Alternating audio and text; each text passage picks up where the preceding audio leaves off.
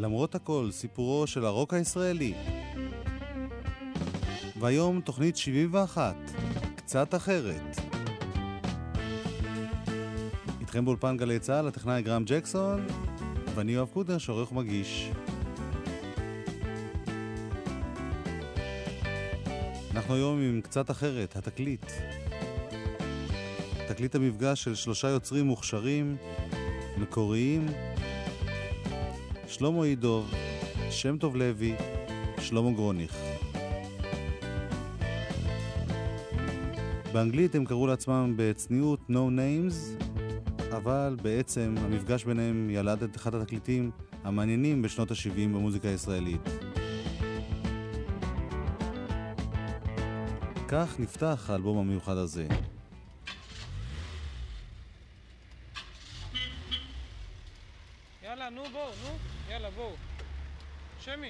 שמי,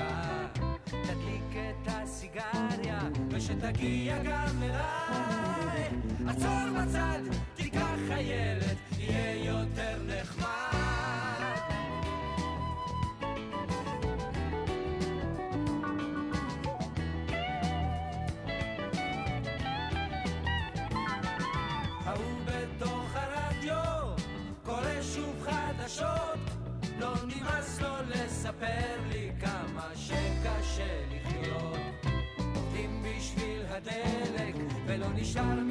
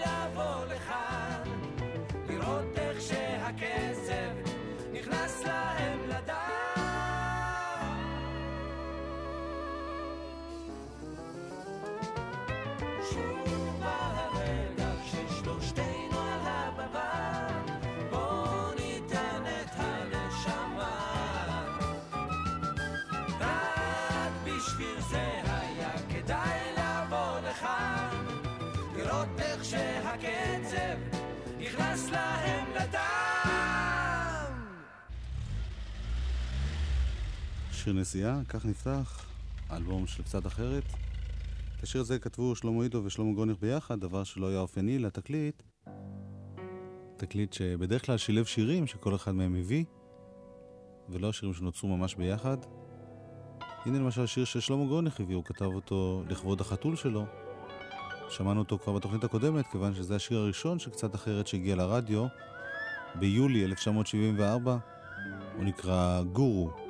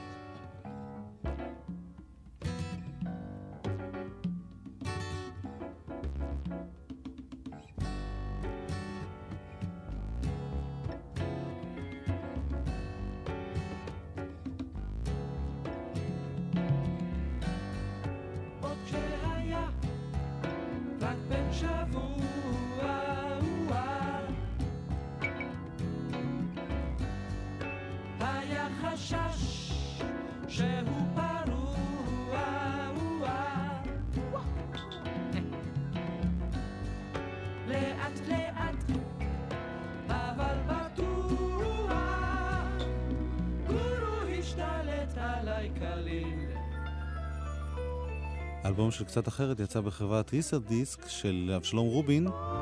צביקה כגן, מי שהפיק את אלבום הבכורה של שלמה גרוניך, הפיק גם את האלבום הזה.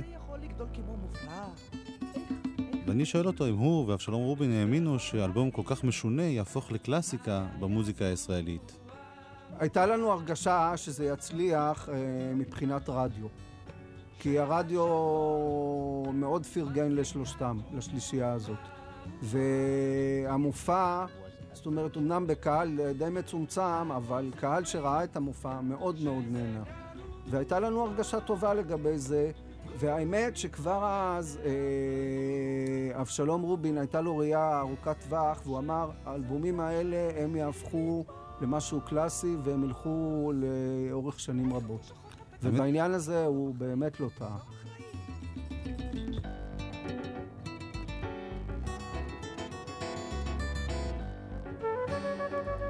האם מבחינה מסחרית הייתה הצדקה להוצאת אלבומים כאלה של קצת אחרת או 14 אוקטבות? אה, אני חושב שברבות השנים הייתה לזה הצדקה מסחרית.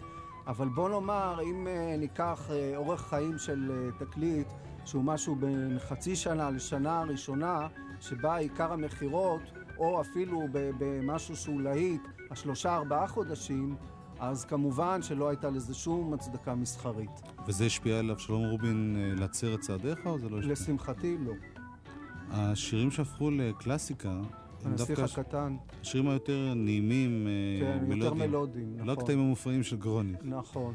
אתם בתור מפיקים ניסיתם אה, לרסן את גרוניך, להגיד לו, רגע, בוא תעשה משהו שגם אפשר לקנות אותו. קודם, שלמה גרוניך אי אפשר לרסן אותו, וזה אני כבר אה, חזיתי ולמדתי על בשרי עוד באלבום הראשון שהפקתי איתו. למרות שבוא נאמר שבקצת אחרת הוא כבר היה, הוא יותר התמתן, אבל היה גם פה בלנס, כי כל אחד הביא שם מעצמו. זאת אומרת, גם אה, שלמה עידוב הביא את עצמו, ובאמת זאת הייתה שלישייה, שבאמת זה היה על בסיס פחות או יותר של שליש, שליש, שליש. אה, אני לא יודע איך בינם לבין עצמם, אבל הם היו יותר אינדיבידואליסטים שצרפו את עצמם ללהקה, ולא להקה, זאת אומרת, ב... בסימן המובהק של להקה.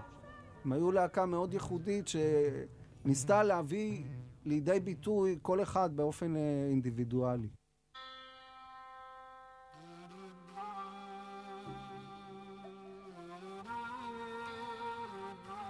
זה קטע שהלחין שם טוב לוי, המכונה שמי, ולכן הקטע הזה נקרא קטע שמי.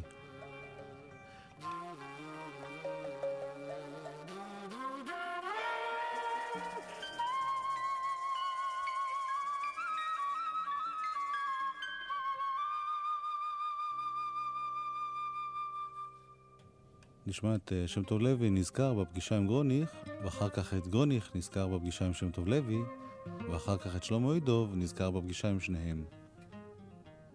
זה היה אחרי המלחמה הנוראית ההיא, ש-73, באוקטובר הייתי אז uh, כמה חודשים, קרוב לחצי שנה במילואים, ואני אמרתי לעצמי, אני זוכר, תוך כדי המילואים וזה, שאנחנו הופענו ביחד לפני, לא יודע, בסיני, בכל מיני מקומות, שאחרי שזה ייגמר, אז אני סע מפה uh, קצת ללמוד, לא יודע, לראות את העולם.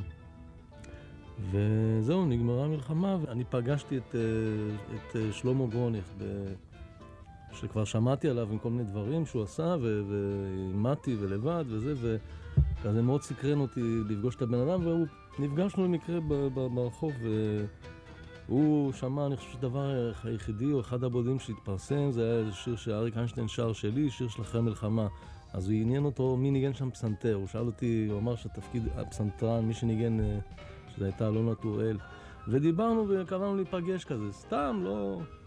והשמענו אחד לשני מוזיקה. בקיצור, מזה לאט לאט נוצר קליק, ומשם נבנתה לאט לאט קצת אחרת.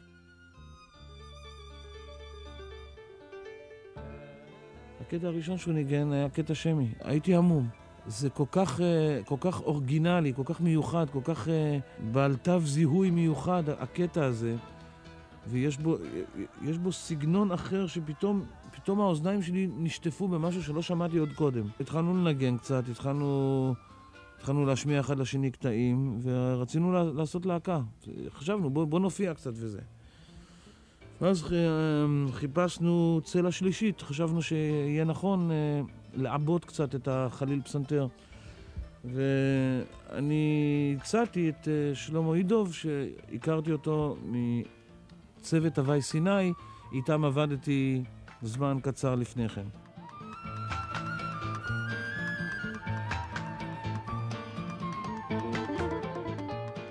אני הכרתי את אה, גרוניך מהצבא, הוא היה מנהל מוזיקלי של הצוות הוואי שלנו, וגם נהיינו חברים בעקבות ההיכרות הזאת, אז אה, פעם אחת שבאתי אה, שם טוב היה שם, והם ניגנו איזה קטע, נדמה לי שזה היה קטע שמי.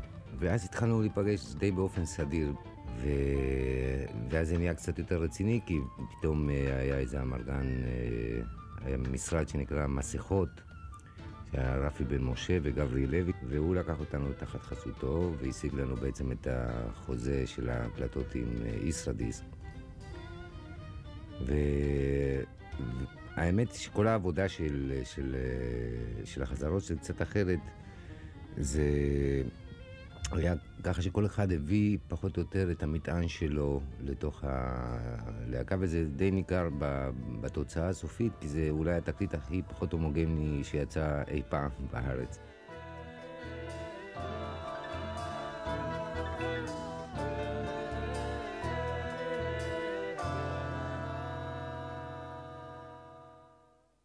במילואים, כזה, היינו נוסעים מכל מקום, אז באחד העיתונים התפרסם שיר של יונתן גפן, והתקופה ההיא, זה עשה לי הרבה, זה חיבר אותי, בדיוק המילים, וכתבתי את, ה, את המנגינה הזאת. הנסיך הקטן. פגשתי אותו בלב המדבר, יפה שקיעת שמש ללב עצוב, ציירתי לו עץ וכבשה והוא הבטיח לי שישוב. הנסיך הקטן מפלוגה ב' לא יראה עוד כבשה שאוכלת פרח. בכל שושנה בין קוצים שעת וליבו הקטן קפא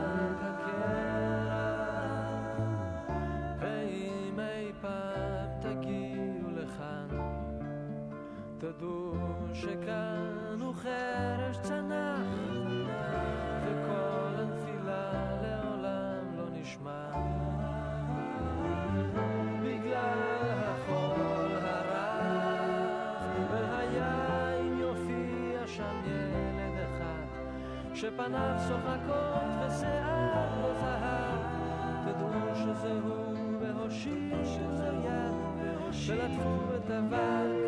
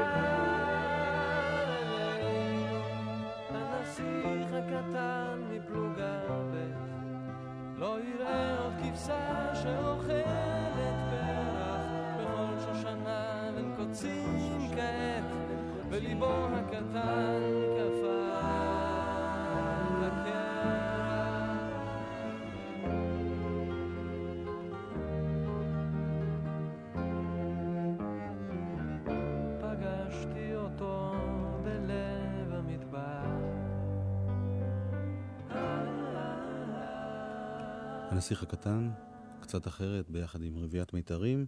השיר הזה הפך להיות אחד הסמלים של התקופה הקשה שאחרי מלחמת יום כיפור, ועד היום הוא מזכיר להרבה אנשים את התקופה ההיא. גם את השיר הבא הלחין שם טוב לוי, כאן למילים של לאה גולדברג, ההד.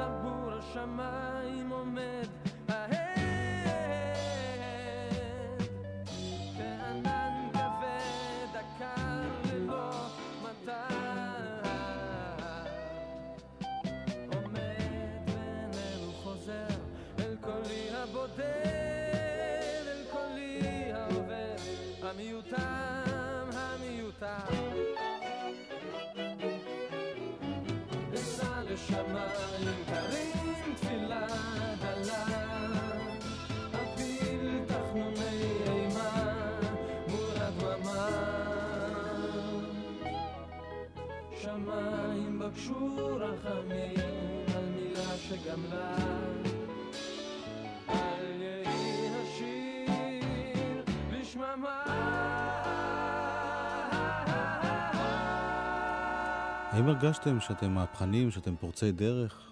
אני אישית לא הרגשתי שאני הולך לעשות מהפכות פה, אני לא מהפכן. אה, אני לא חושב שהיינו מודעים, ל... כמו שהיום יש מודעות לצד התעשייתי, אם זה יצליח יותר או פחות. או...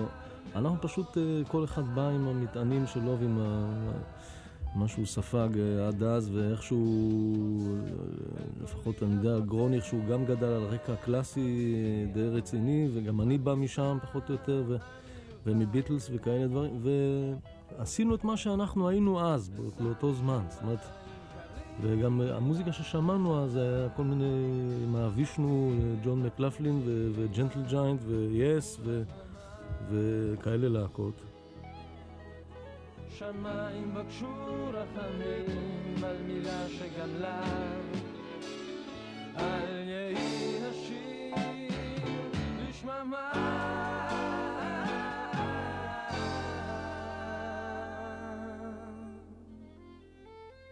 הנה בתגבור השמיים עומד העד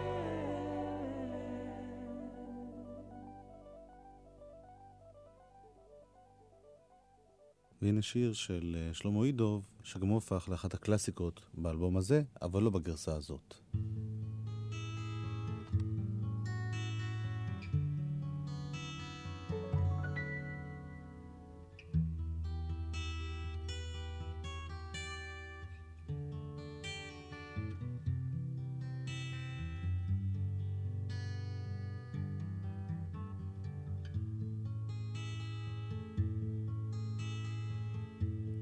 Have you ever seen a pink sky in the evening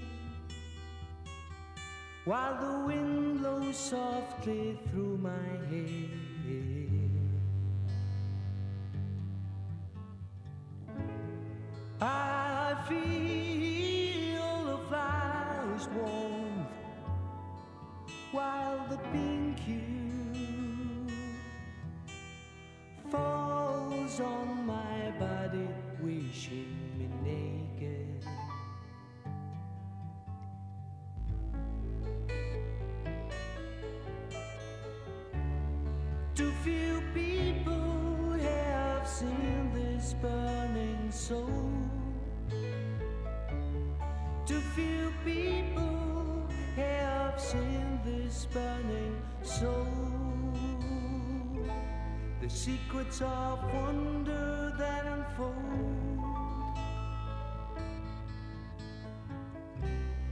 Secrets of wonder that unfold.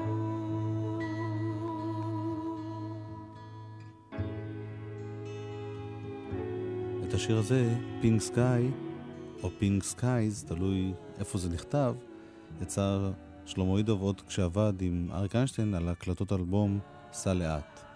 שלמה נזכר. Pink Sky זאת הייתה הגרסה הראשונה. זה בעצם היה קיים אה, כמה שנים לפני שזה קיבל את הגרסה העברית מיונתן גפן. הגרסה העברית, בעצם זה היה באיזה מפגש אה, מקרי באחת מהחזרות על סע לאט. שיונתן היה בדיוק שם בחדר חזרות של הגר. ועוד חיפשו חומר לתקליט, אני חושב, של סע לאט, ואני השמעתי איזה שיר שנקרא Pink Skies באנגלית. אז אריק אמר, למה באנגלית? מה, מה, אתה פה, תשאיר בעברית. ו- ו- ואז ישבתי בצד עם יונתן, ולאט לאט זה קרם עור וגידים. וזאת הגרסה המוכרת מתוך האלבום. שיר בן ארבעים.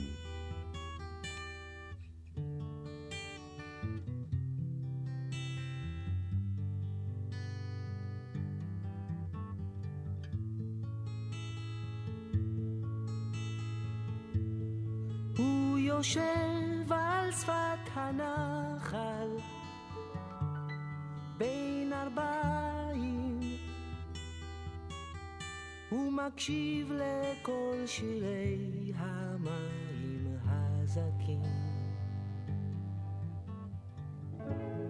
הוא שומע איך פרחים צומחים והטל יורד לו וכופה על לחייו כמו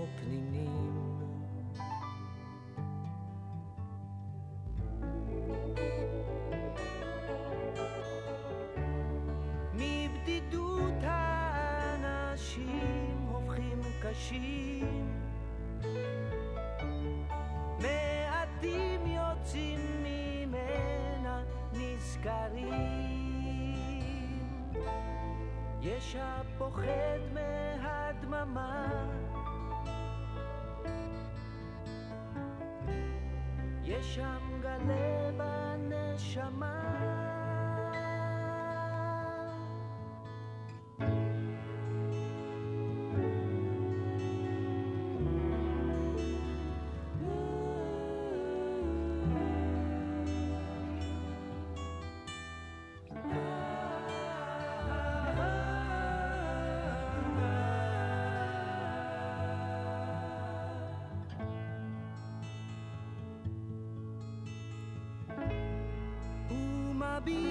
אל תוך השמש למעלה והאור נשאר בתוך עיניו העצומות. והרוח מפזרת סודותיה הוא נושם בושם השדות.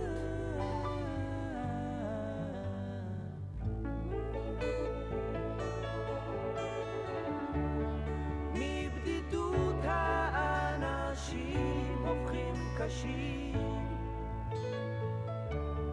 מעטים יוצאים ממנה נזכרים. יש הפוחד מהדממה יש שם גלה בנשמה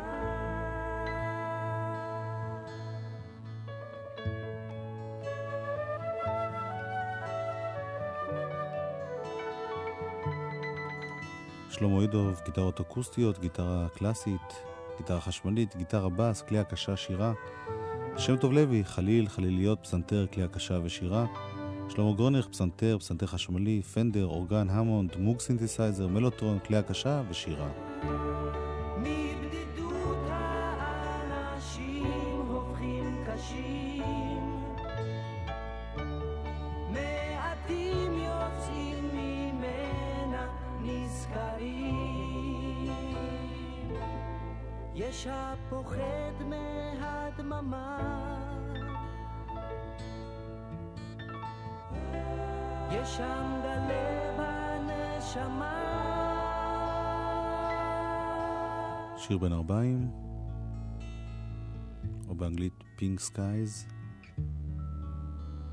משיר שנוצר באנגלית ותורגם לשיר שנשאר באנגלית.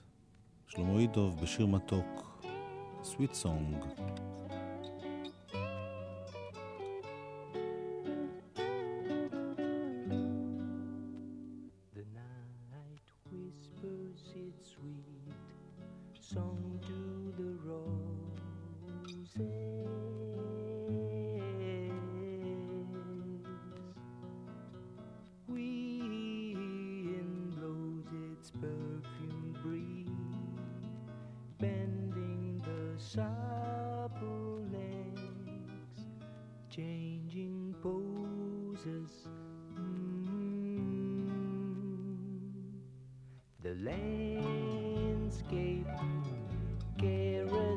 Eyes,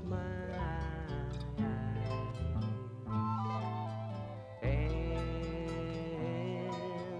here is silence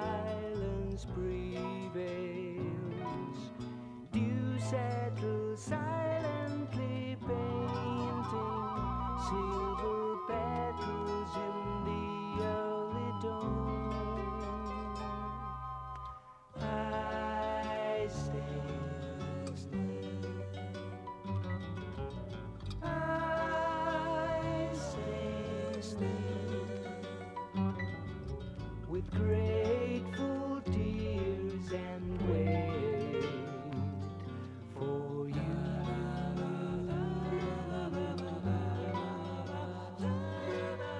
I stand.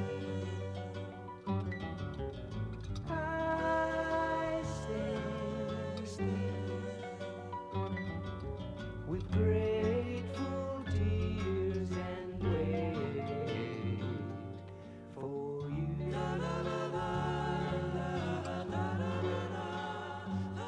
שלמה עידו, מה פתאום אנגלית? הדרך לעברית הייתה דרך האנגלית, זאת אומרת, מה- מהשפה, מספרדית, שזאת שפת האם שלי, והשורשים המוזיקליים שלי זה משם, מארגנטינה, אז כנראה בתהליך ההדחקה הפנימי שלי, אז לא הגעתי ישר לעברית, אלא אה, גם בעצם כל הדברים שאני אהבתי לפני הגיוס, היו הדברים ה- ש... שב... שבאו מאנגליה ומארצות הברית, אה, כל מה שהיה אז, כן, לא, לא היו חסרים דברים, היו ביטלס, רולינג סטונס, קרים, הנדריקס, כל הדברים האלה. בניגוד למה שעשית אחר כך, בתקליט הזה לא כל כך שומעים השפעות אה, דרום אמריקאיות בכלל. לא בשירים, אני חושב שבשירים לא כל כך, אבל יש קטעונים כאלה פתאום של... אה, פתאום יש איזה פר... קטע של... הפ- בביסלט, יש קטע של פרלוד של ויה לובוס. יש עוד איזה משפט בספרדית שאני אומר גם כן באותו, באותו קטע. Los hermanos sean unidos porque esa es la ley primera, tengan unión, משהו, בנגינה עוד, אה, זה בכלל לא יצא, אה, הקטע הזה, הקטע הלטיני. אה, הייתי מושפע מרוק אנד רול בעצם, זאת אומרת, בנגינה זה, זה היה יותר רוקי, קאנטרי, רוק.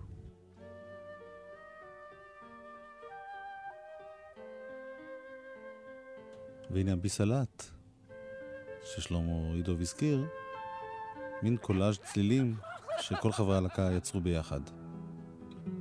כולל ציטוט מהביטלס.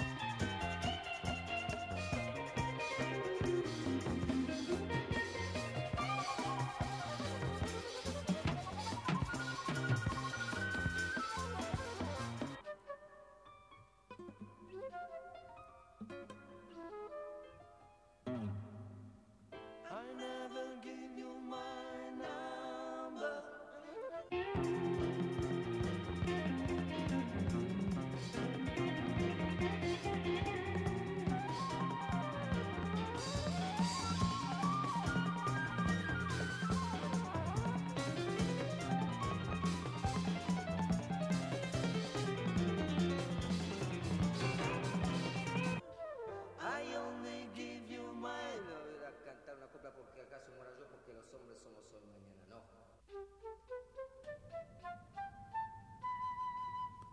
ביסלט, הקטע שבמקור סיים את האלבום, את האלבום הזה של אה, קצת אחרת. זה אחד משני הקטעים הבודדים בתקליט, שבו הקרדיט ליצירה או לכל הלהקה, הקטע השני, הוא שיר בדיחה עממי שכולם איבדו ביחד.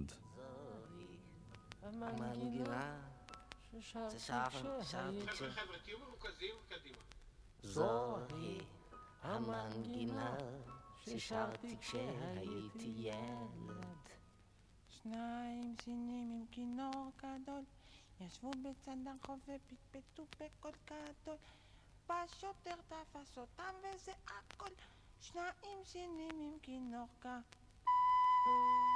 שניים סינים עם כינור גדול, ישבו בצד הרחוב ופטפטו בקול גדול.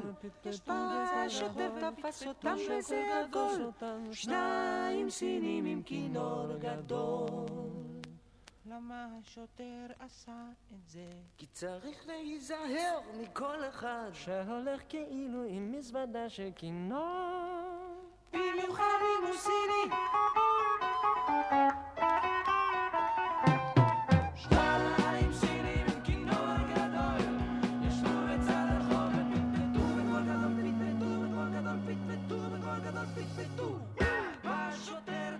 תפס אותם וזה הכל. זה הכל, זה הכל. שניים סינים עם כינר גידים, שניים סינים עם כינר גידים. שנם סנמם כנר גדל, שנם סנמם כנר גדל, שונם סנמם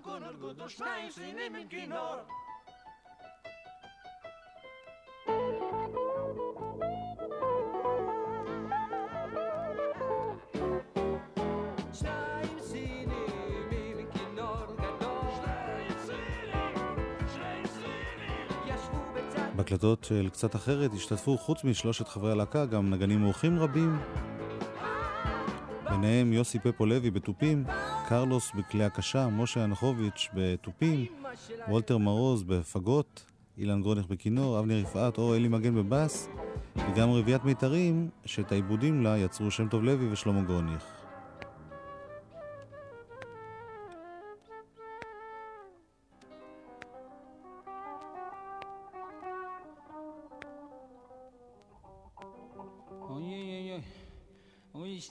שניים סינים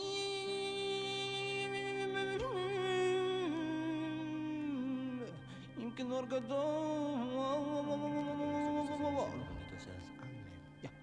ישבו בצד הרחוב ופיטה פיטה הפיטה פיטו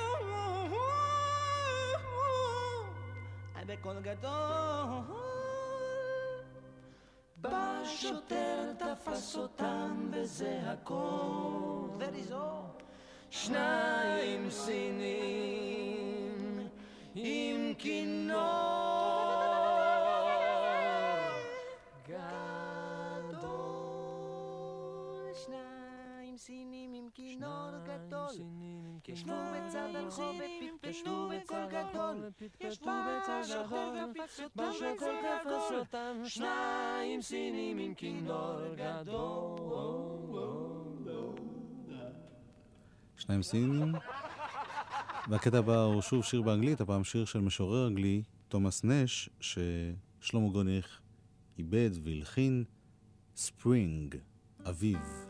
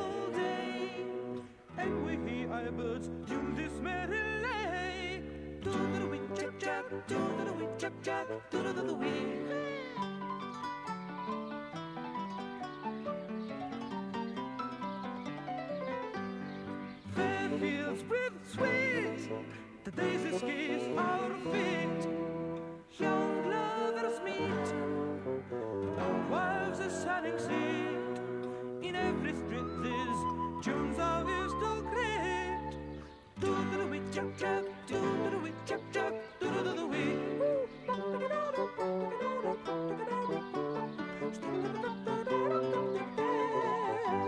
Spring, the sweet spring, the sweet spring. Spring. ספרינג, ומקטע שנשמע מאוד אנגלי לקטע שנשמע מאוד יהודי. זה שיר ששלמה גוניך הקליט כבר עם מתי כספי. אם דיברנו קודם על שיר שהוקדש לחתול, זה שיר שהוקדש לכלב, למרות שמאז הוא נשכח, הקדשה נשכחה והכלב נשכח, אבל המנגינה עדיין חזקה מאוד, קווינטה.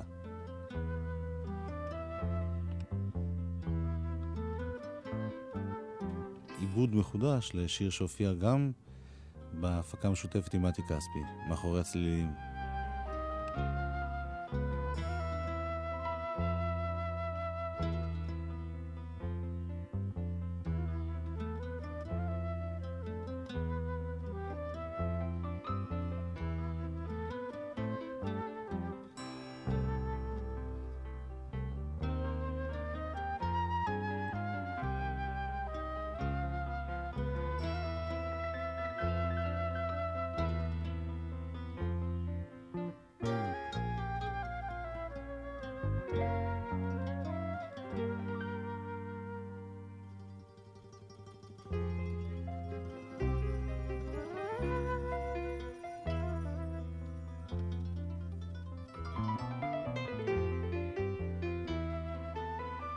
יש משהו שהוא משותף לתקליט הראשון שלך, התקליט שלך עם מתי כספי, קצת אחרת, וזה מין ניסיון ליצור משהו שהוא לא פופ. כאילו במתכוון הייתם מסובכים וקשים. אני לא יודע, יכול להיות שזה היה חלק, נגיד, מהרצון של הילד שלמה גרוניך להתבלט. לכתוב את המוזיקה שאף אחד עוד לא עשה. יכול... כמובן שיש בזה חלק מחומר הדלק. אז היה, היה כר דשא אה, לפעולה כזאת לא שגרתית. היום אין את זה. היום, היום זה מין אה, מרוץ רייטינג ו, וסחף של, אה, של אופנה, שאתה לא יכול להרשות את עצמך לחרוג ממנה. ואז היה, זה היה הכי טבעי לנו, זה באמת היה טבעי לנו. זה לא שאמרנו, רגע, יצא לנו מנגינה פשוטה מדי, בואו נסבך אותה. היה נורא מוזר באמת, אבל היה אז משהו באוויר שאפשר לדברים מיוחדים לנבוט. היה בזה תעוזה, היה בזה חוש המצאה, היה, היה שיתוף של הנשמה. וזה כל, זה ימים שלא יחזרו יותר, זה, זה, זה בעצם אה, מאוד עצוב, באמת.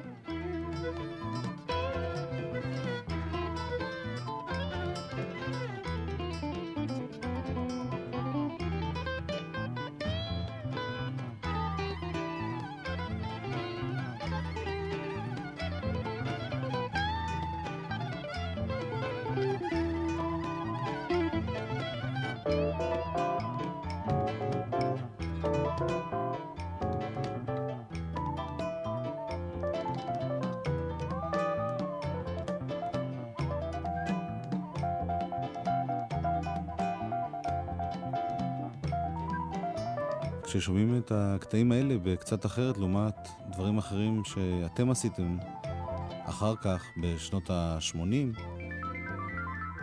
וגם דברים שאומנים אחרים עושים, נראה כאילו המהפכה הזאת של קצת אחרת קצת נכשלה. אפילו אתם בעצמכם התברגנתם. הכריחו אותי אה, אה, להיות כמו כולם, ל- ל- ליישר קו, להיות ב... אה, כנס לשורה חייל. זאת אומרת, אה, לא להיות שונה. אל תהיה שונה.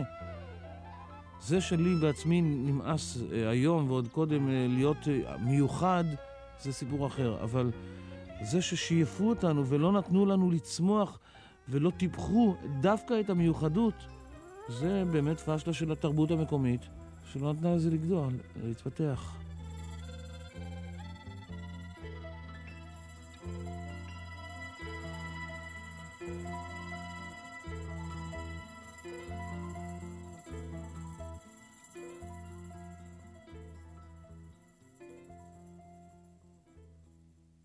קווינטה. הקטע הכי משונה, הכי מורכב, הכי מופרע, תלוי איך מסתכלים על זה, של שלמה גורניך באלבום הזה, זה קטע שנקרא 204.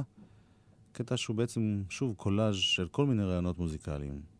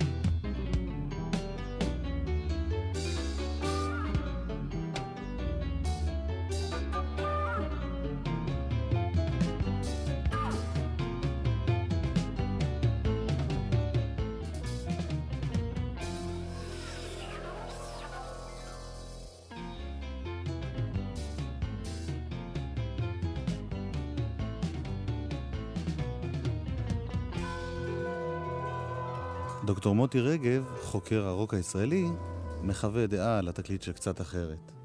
קצת אחרת ממה? אני אומר את השאלה הזו משום שאני חושב שהיום היא נשמעת יותר אירונית ממה שנשמעה אז.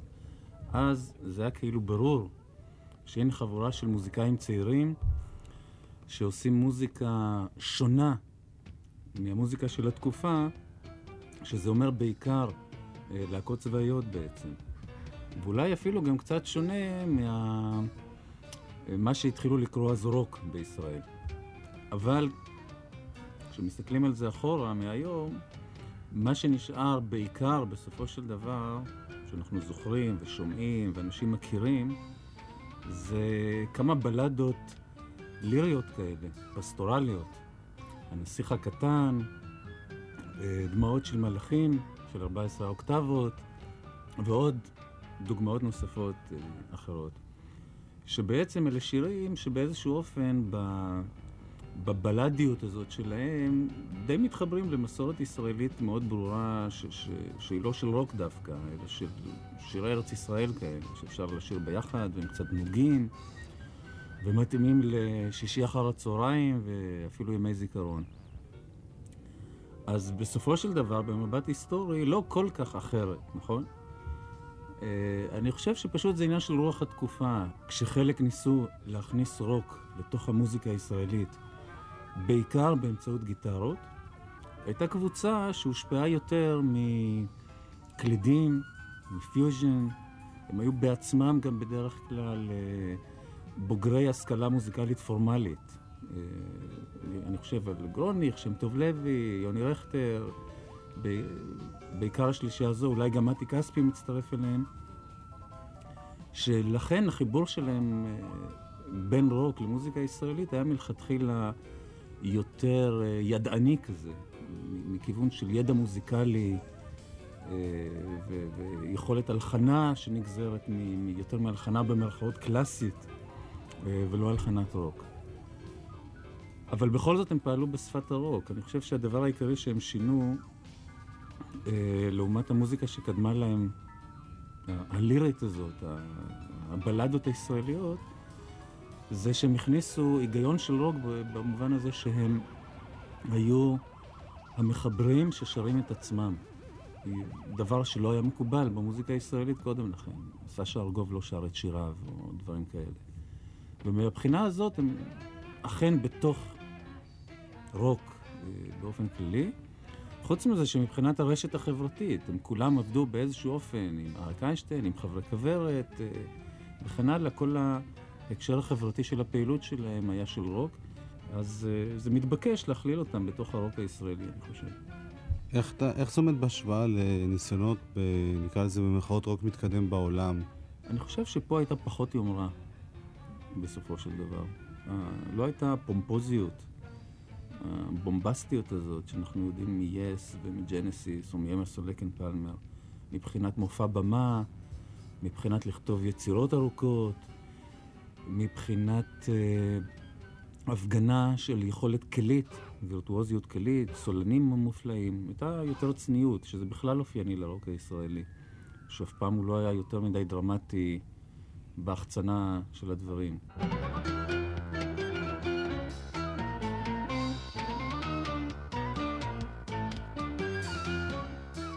האם אתה לא עושה קצת אה, עוול היסטורי בזה שאתה באמת מציין את הבלדות ואת הקטעים האלה, ופחות מציין את הקטעים שלפחות אז נשמעו ממש אה, קיצוניים או אוונגרדים. זאת אומרת, יש, יש קטעים שאין בהם שום מקצב ברור, שיש שם כל מיני כלים שלא מקובלים במוזיקת רוק.